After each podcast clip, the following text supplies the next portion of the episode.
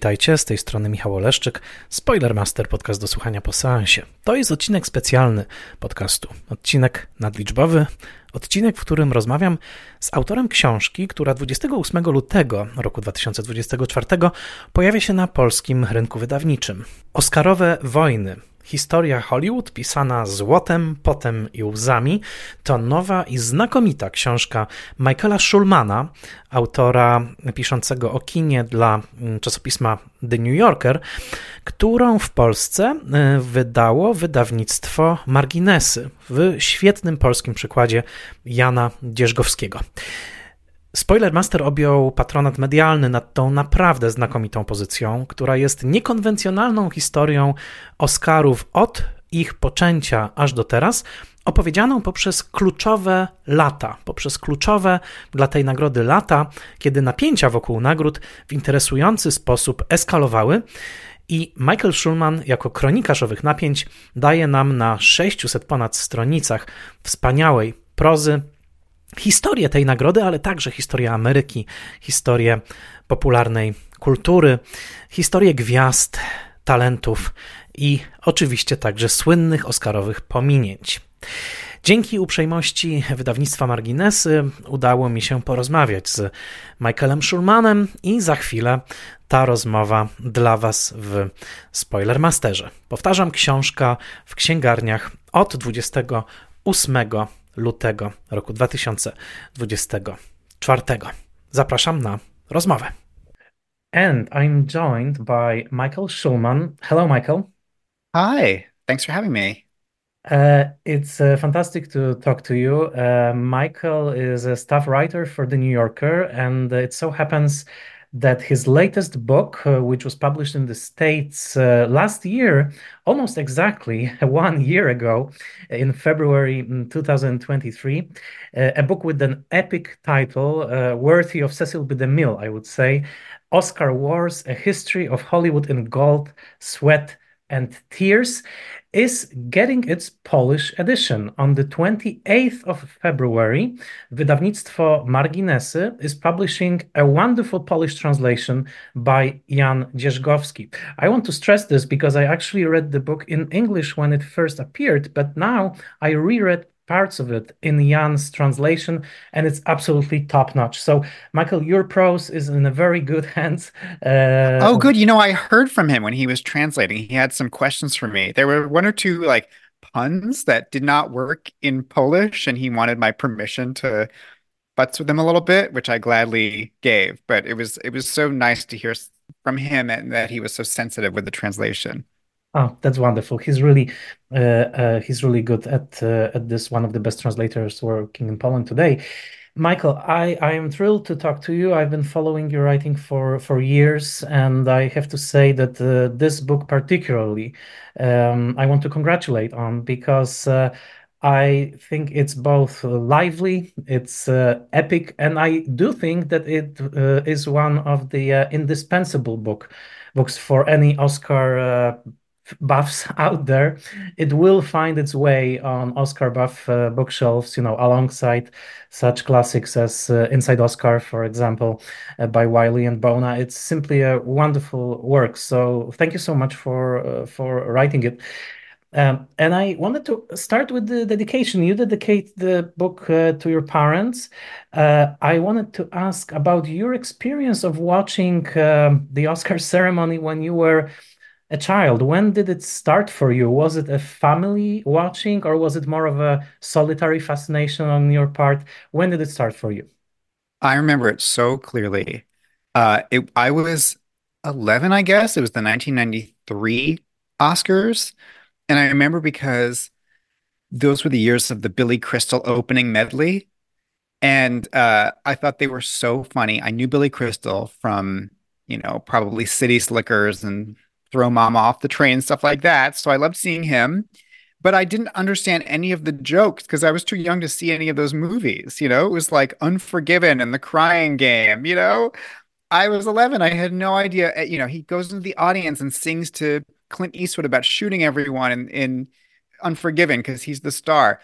And um, I just loved it. I thought it was so funny. And I loved this idea that all these people who were in movies all got together in a place called Hollywood and people won and lost like a game. You know, it, in a, in a way, it was so accessible and yet so unfamiliar to me.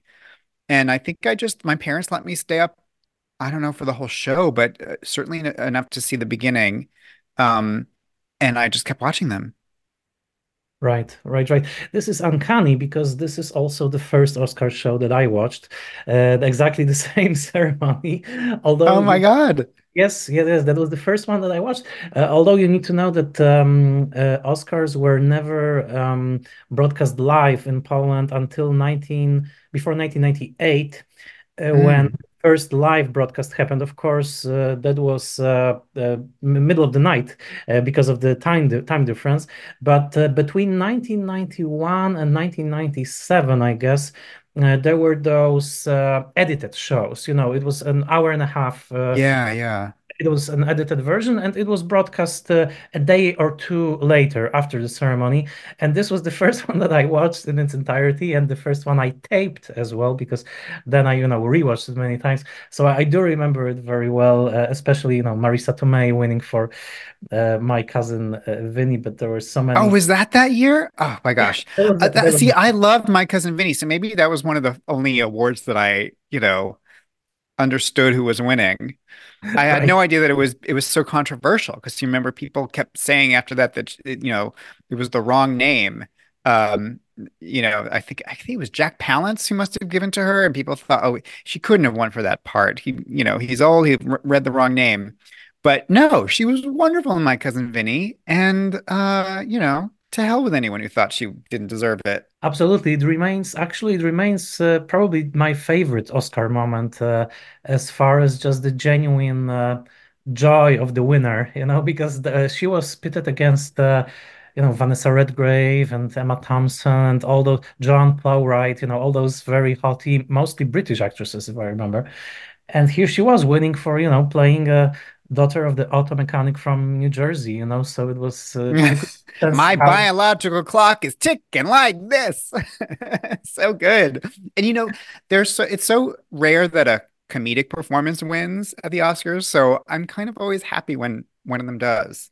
But then people start to try to try to call it into doubt. And you know, I think when um when the La La Land and Moonlight mix-up happened and you immediately saw all these people in headsets running on the stage to correct the record, it kind of vindicated um Marisa Tomei because they don't just let a, the wrong winner stand if they read it wrong. Like that that obviously didn't happen with her. Absolutely. I I always uh, felt angry when I when I read those uh, conspiracy theories being spread, especially because the uh, the performance is simply uh, uh, so wonderful. It totally warranted the the award. Um, I wanted to ask you about the the book itself because it's it, it's a big book. It's all you know. It covers a, a lot of uh, ground, and you focus on uh, pivotal moments, on pivotal years in uh, in the history of the Oscars, and you touch upon some really big historical issues like like the war, like uh, counterculture, blacklist, you know, cur current uh, mm, uh, controversies uh, that are uh, pertaining to the Oscars.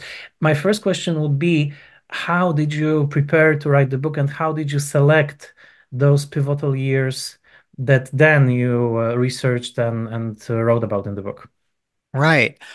The idea for the book from the beginning was to not do a book that went through every single year and gave a few pages to all 90 whatever years and said who won, who lost, you know, who the host was, what, you know, what jokes were told. Those books exist. You mentioned a really good one before, Inside Oscar by uh, Wiley and Bona, and I have a bunch of those books on my shelf. But they they all predate Wikipedia, so we kind of don't need that sort of record keeping book anymore. What I wanted to do was choose just about a dozen really important, pivotal, juicy years and dive really deep into them and almost make them like New Yorker features where they're character driven, detail driven, and they tell you something about the era. So this was actually a really fun part. I went, you know, I, I went, I read that Inside Oscar book, which has like 10 pages on every single year going up to, you know, the 80s, I think. And I tried to pick out the ones that would, that I felt told something, a bigger story. And I basically had three criteria. One, I wanted to cover all different decades. So I didn't want to have, you know, five chapters set in the 70s. Um, and so I really tried to spread them out. Number two, I didn't I I didn't want the movies or the people to be too obscure. So I tried to look for years where the the contenders still have some relevance. And then most importantly, number three, I looked for years that told some bigger story about the evolution of Hollywood or the evolution of the Oscars themselves or the evolution of culture. So, as an example, you know, I needed something in the 1940s, which is a huge decade for Hollywood, obviously. There's so many classics. So, what do you do? Do you do the, you know, the year the Casablanca won? Do you do what, you know? And um, what I spotted in 1942 was that there were three incredible things happening at the same time. One, it was the year that Citizen Kane lost all but one Oscar, which is one of the, you know, biggest mistakes in Oscar history. How did that happen? And of course, there's so much drama around the making of Citizen Kane. Number two, it was two and a half months after Pearl Harbor. And so all of Hollywood was grappling with uh, America entering the war. And at the Academy, Bette Davis was the president of the Academy and quit in a blaze of glory because they wanted to cancel the show. And then lastly, um, the best actress category contained two sisters who hated each other in the same category, Olivia de Havilland and Joan Fontaine. And so what I what's the thread that ties those things all together is war, you know, the war between Citizen Kane, between um, Orson Welles and uh, William Randolph Hearst, the war, uh, you know, the the actual war, World War II, and the War of the Sisters. And so that chapter is called War. so um, that's kind of how I went through the history. And, um, you know, there were certain things that I changed along the way, but basically as I as I went, it kind of revealed itself to me what stories I wanted to tell. Mm-hmm.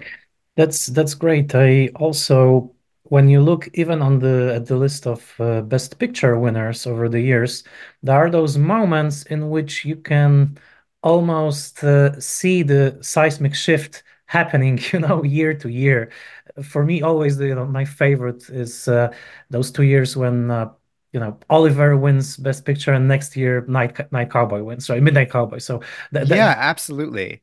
No, I know. think um, yeah. So so I always wanted. I always knew I was going to have a big chapter on um, the Moonlight La La Land envelope mix up in the wake of Oscars So White because I was there. That was my first year going to the Oscars, and I covered that year for the New Yorker, and thought this tells a big story about race in America, about the shifting politics of that year. It was the year of the you know tr- the Trump versus Clinton election, and there was obviously a lot going on, and it has this insane eh, Hollywood twist ending of this freak envelope mix up.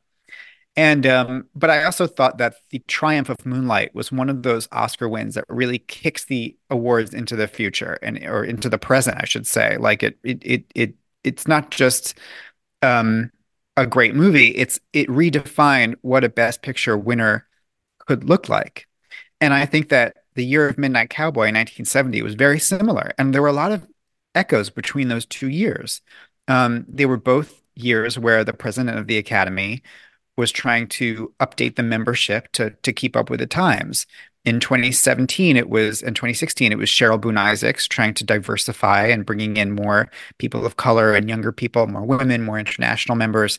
In 1970, it was Gregory Peck, who was the president of the Academy, and was trying to bring in uh, the sort of youthquake generation, the counterculture, people like Dennis Hopper and Dustin Hoffman. So um, so I, I I I liked the idea that the chapters can all be read individually, but they also sort of echo with each other across the ages. Uh, they definitely do, and I also am grateful uh, to you for the 2017 uh, uh, chapter because uh, uh, for, for for a very mundane reason, you you so lucidly explain just exactly what happened, you know, with the envelope. It's uh, because I every know, yeah. Everybody just, you know, sort of accepted the the broad term mix-up, but you actually, you know, take us step by step uh, and uh, explain uh, what happened, you know, and what went uh, wrong. So Oh, I know. And there, there's, I will say, for, you know, there are there are details in there that were not previously known, and I I wanted to get down to the level of like, what were the exact hand motions that made this happen, this this mistake, and I, you know, reported it very deeply and and found out. So this is the part of the book that really felt like, you know, investigative uh, reporting at its uh, at its best.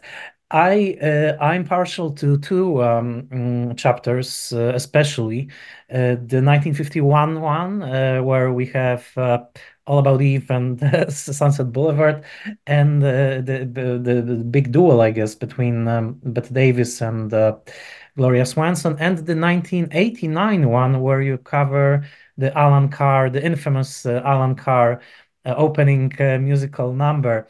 And uh, you know, just uh, I would like you to comment on the 1951 because this duel between Davis and uh, Swanson is the stuff of Hollywood legends. You know, we have two Yeah. divas vying for supremacy, somebody else winning. Uh, I, but but I, I wanted to ask you this question. Well, are we still in an era when where this kind of diva dueling is even possible, or uh, is our notion of stardom simply uh, shifted to the point that we don't look at those uh, Oh, clashes as as uh, those, you know, mythical?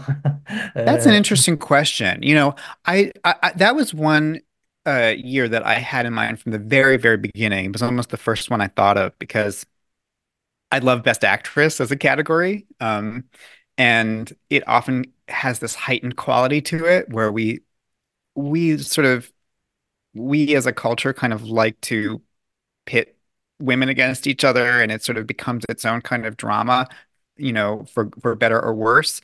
And that year just had this incredible stack of incredible, iconic performances, you know. Um, somehow it was Bette Davis and Anne Baxter from All About Eve in the same category, which is its own form of like catty competition. I love that movie. Um, and then uh, Gloria Swanson in Sunset Boulevard, an absolutely, uh, I hate using the word iconic, but you know, that's what it is. And then the winner was Judy Holliday in Born Yesterday, which was also an, a very, very famous, important uh, performance and a wonderful performance. And um, I just thought it felt, it just felt instinctually juicy to me. Um, and so, I, and I wanted at least one chapter to be about a Best Actress race, and that just seemed like the one. Uh, you know, both All About Eve and Sunset Boulevard are movies about actors and about show business, and they're very, very sort of acid about the industry that they portray. They're about women who worry that they're being pushed out because they're too old or too, uh, you know, basically over the hill, and and they're fighting for their place. And that is an echo of the Oscar race. Now, I think that those women would say, well, we weren't fighting with each other. We weren't feuding with, you know, Gloria Swanson especially. She in her memoir says, "No, I didn't I didn't really care about the Oscar, about the competition, but everyone else wanted me to be, you know, wanted me to turn into Norma Desmond." And I do think that's kind of how it still is because, you know, this year, for instance, the Best Actress race is very stacked and it had you have sort of Lily Gladstone versus Emma Emma Stone, which I think is what common wisdom. It's going to be one of those two, but also this incredible performance by Sandra Hüller. And I don't think any of those women would say they're competing with each other.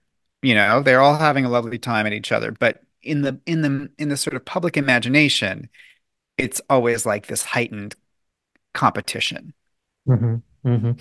I I agree, and uh, the funny thing is about this year's competition, and especially those names that you mentioned, that I think.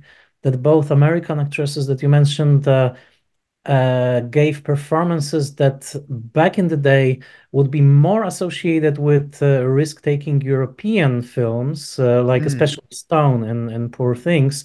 Uh, she does things in that film that, you know, take her very, very far from the conventional notions of American stardom. And Sandra Hüller, to me, actually plays almost like an old time Bette Davis type of type of performance, like in The Letter, for Oh, example. So yeah, like, that's a good like point. this big uh, melod it's a melodrama, really, you know, the the Anatomy of a Fall, Yeah. uh, or I don't know, Susan Hayward, one of those years. So it's it's a it's a fascinating. Uh, Can uh, you imagine Bette Davis in Anatomy of a Fall? absolutely, I can imagine uh, That would be so Letter. great. Absolutely. She would then then there would be no uh, question, you know, did she do it or didn't she? Yeah, no, she did. Yeah, you're right. Actually, it probably wouldn't work. You need someone a little bit softer, like, I don't know, maybe an Olivia de Havilland. Yeah, somebody who couldn't kill with her look, you know. Yeah, yeah, she just glares at him and he falls out the window. But Sandra Uh, is like tough, you know, she's like robust. And I think she played it as if she didn't kill him, but the fact that you she just sort of has this imposing presence kind of kind of makes you wonder, maybe she could have. She definitely physically could have pushed a man out of a window. and in the uh, you know strange serendipitous kind of way, the other movie that she stars in this year also supports this. This is you know Right, she yeah. Like a. Nazi. So that that that adds to the coloring, you know, of this Yeah. character, I guess.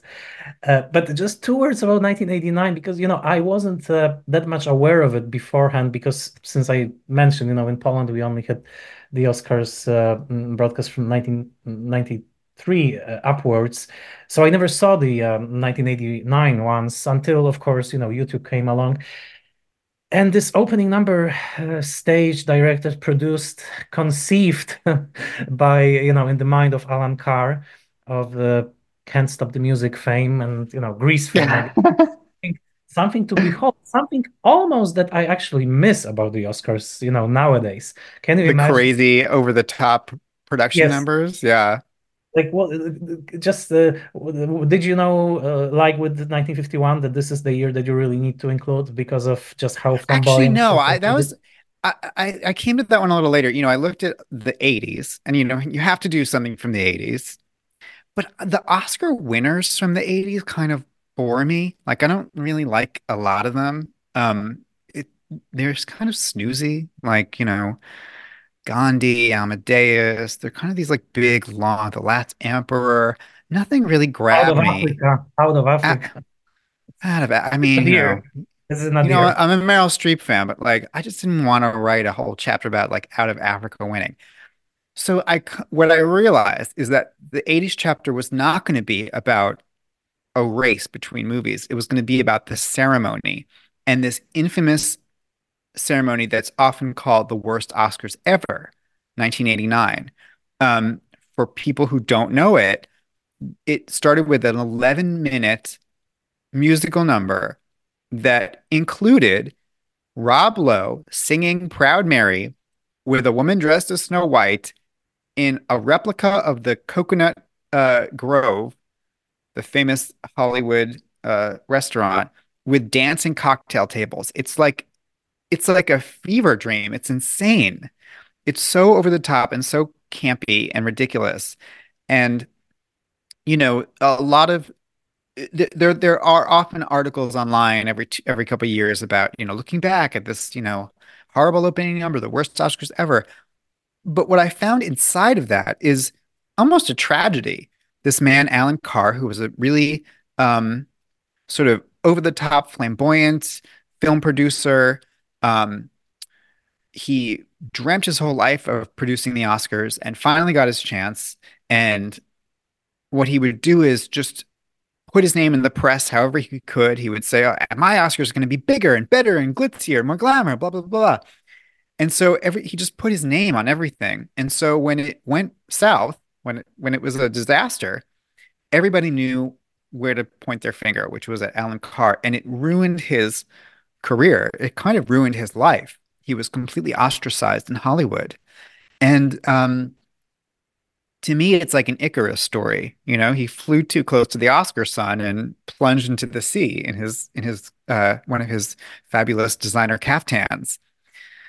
Um, and I I sort of felt like I needed to defend him a little bit. And if you you know, that's why I I, I sort of mentioned some of the other tacky production numbers from the 80s. Like, yeah, it was 1989 was bad, but the whole decade was pretty tasteless and over the top. And I, it's sort of interesting to see why did this one get singled out? Why did this person get singled out and blamed?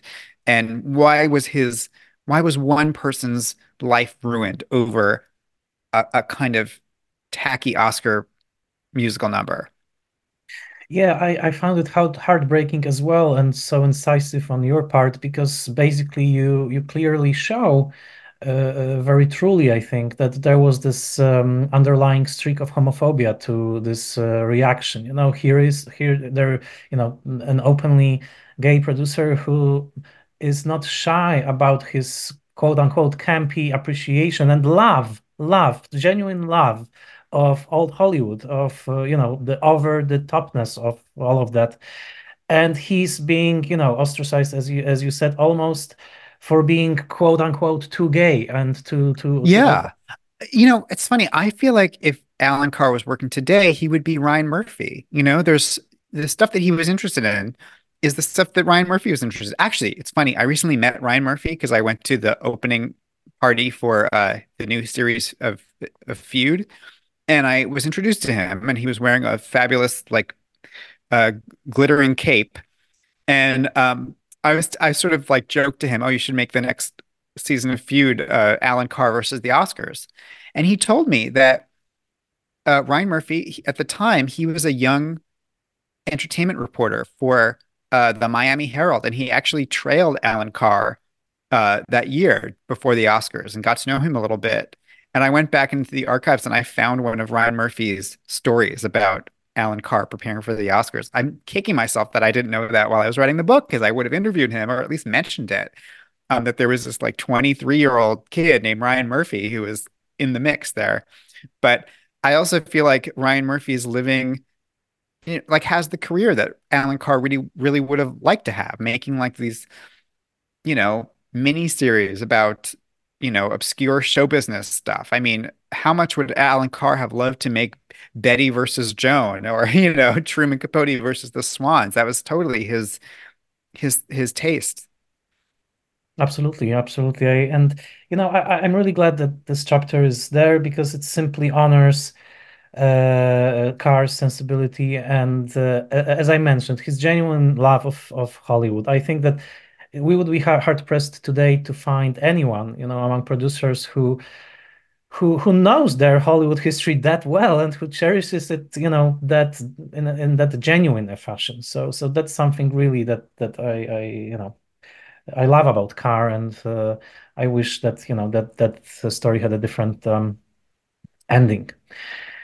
Uh, I wanted to ask you about the unsung heroes about the Oscars because one of the most fascinating things about the book is that you, uh, you know, had access to archives and you unearthed some information that couldn't be found anywhere, you know, before.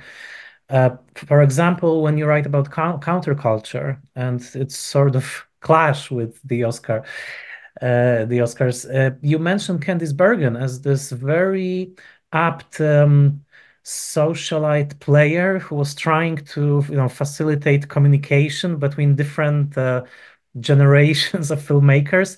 Uh, you know she wouldn't be the first person that i would associate you know with oscar history apart from her nominations but but here she is you know actually actively facilitating uh, a very difficult transitional moment in hollywood history.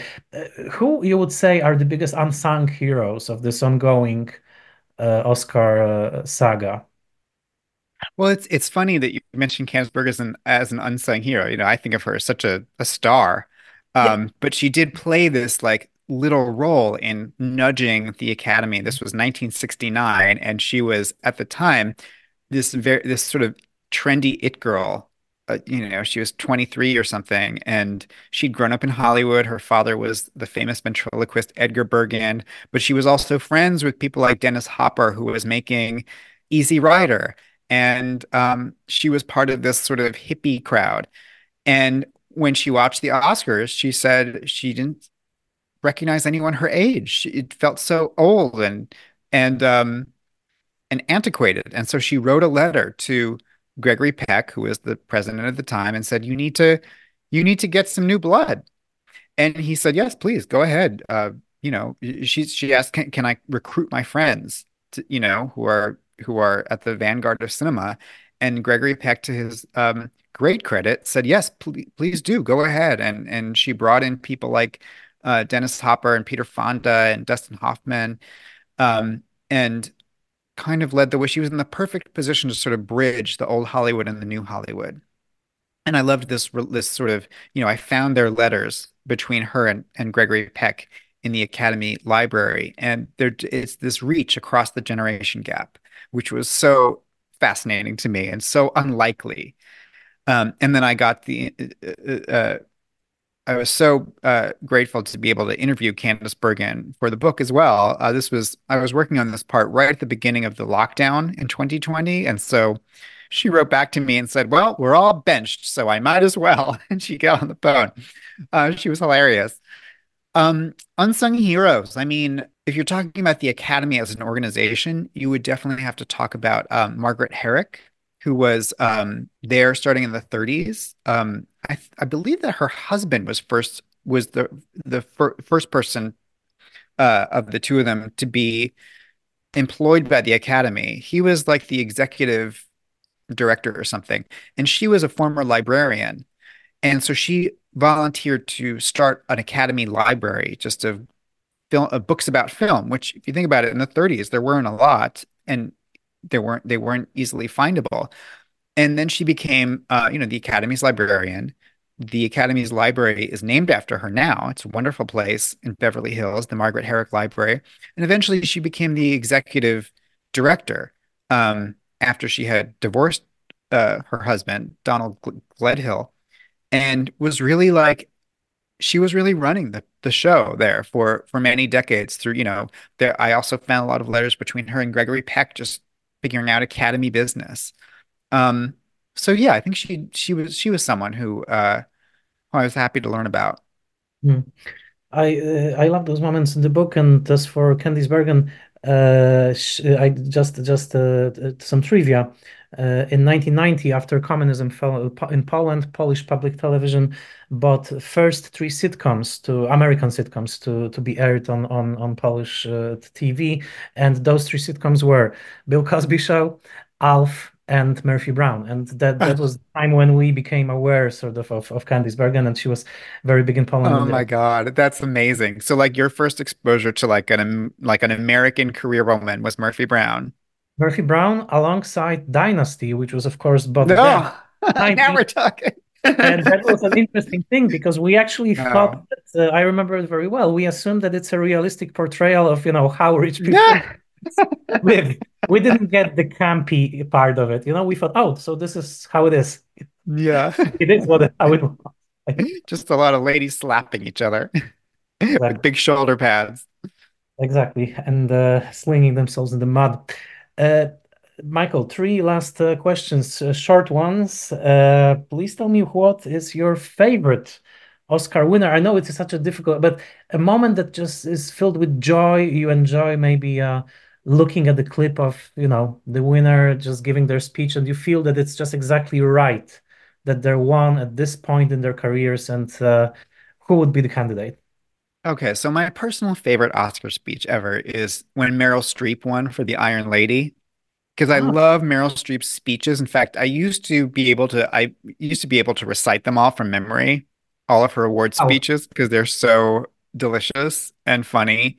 Oh. And um, when she, so when she won for the Iron Lady in 2012, she starts the speech by going, ah, when they called my name, it was like I could hear half of America going, Oh, come on, why? Her again. But whatever.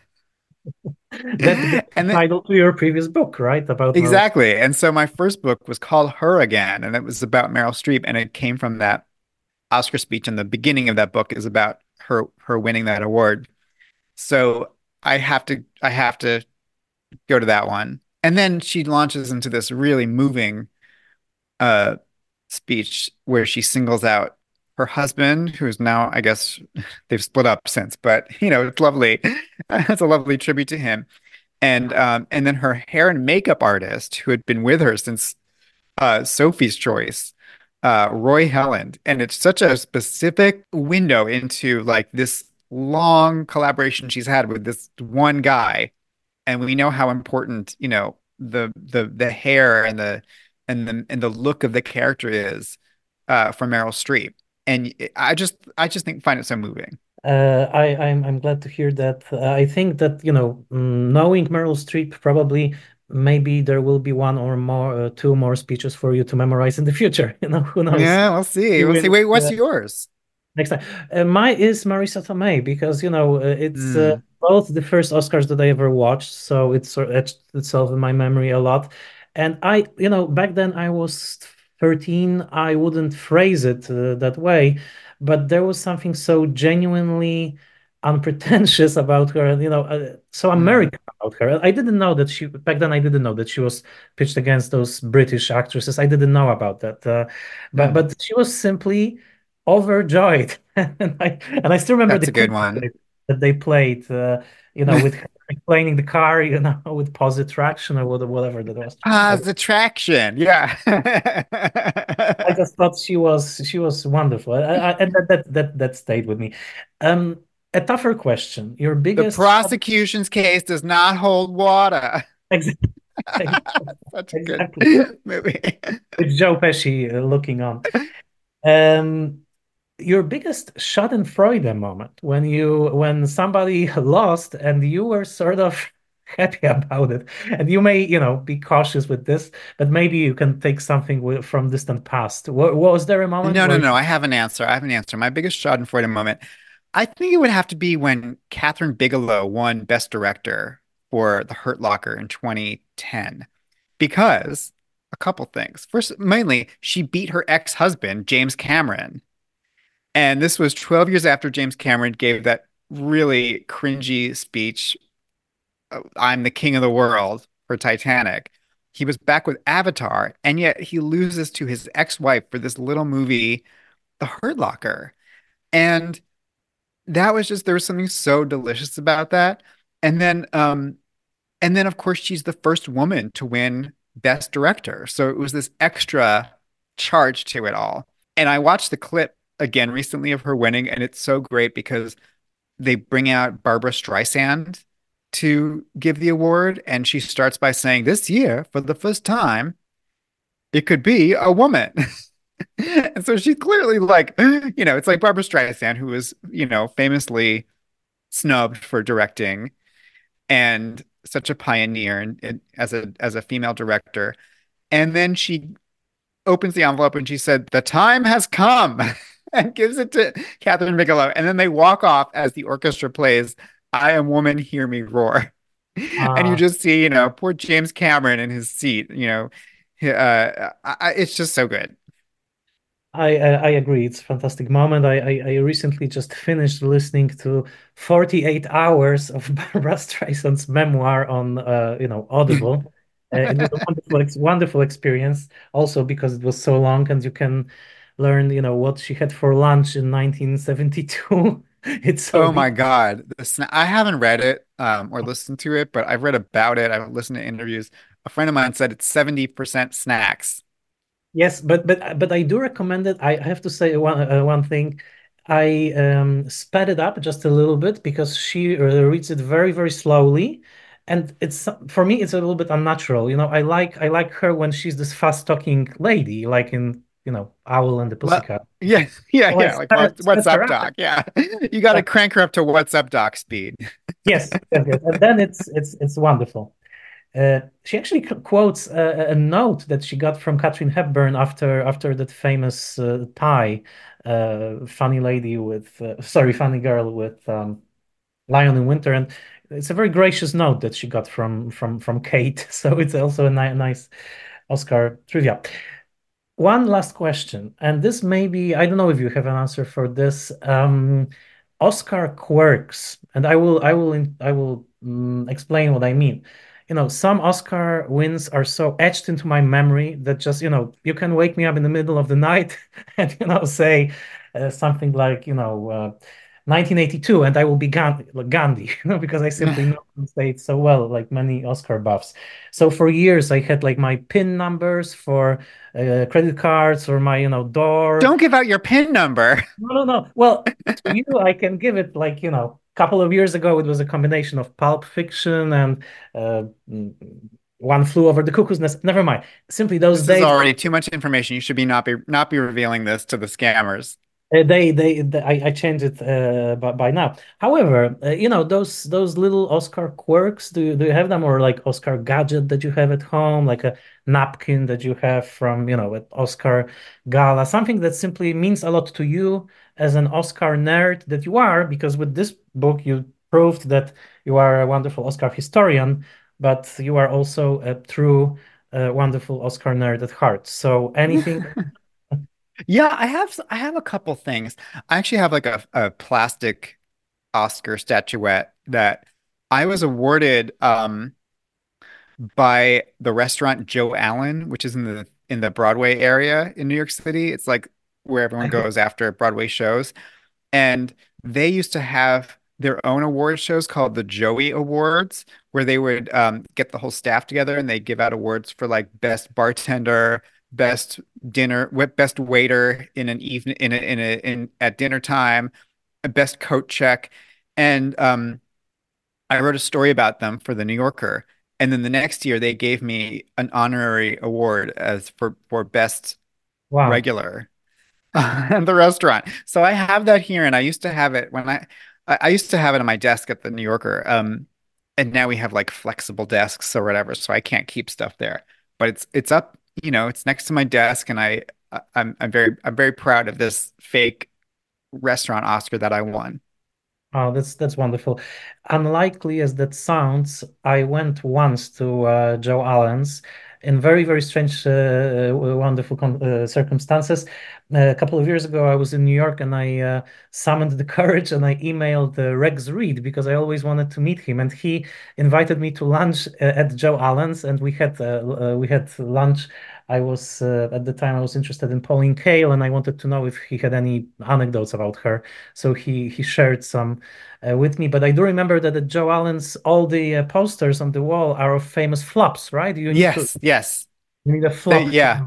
get in. Yeah. So, so famous was... Broadway flops. Um, yeah, that it's it's it's uh, a, very, a very famous place. Uh, that sounds fun. Did what did Rex Reed have to say about Pauline Kael? Did he like her? Uh, he, he liked her. I, I, do remember one thing that he mentioned that she was very loud during film screenings, uh, and she, th that she reacted in a very loud way when she didn't like something. And uh, Rex, oh, really, like scowling, like, uh, I will quote. I will quote. He said, and then there were those orgasmic noises that she made, you know, as she was watching movies. And he was not the only one who mentioned this, that that you know, she would groan or, you know, like say, oh, you know, this is awful. She was apparently some some critics even even uh, complained uh, that Oh they, my God, that's incredible. Oh, I had wow. no idea you know but that's that's that's probably another book another another story. Uh, michael this was uh, such a pleasure and uh, i bet that you are already waiting for the new uh, for this year's ceremony. I will be reading your coverage. I guess all of us oscar nerds will be following your coverage and your live tweets which are also delightful on the oscar night. And uh, thank you so much for writing this book and thank you so much for finding time um, for this conversation well, I definitely will be there. I'm my tux is ready to go with me to the show. I'll be up in the balcony and I'll be covering it for the New Yorker. Um, I actually am going to be taking over the New Yorker's Instagram account on Oscar night, so you can follow my journey along.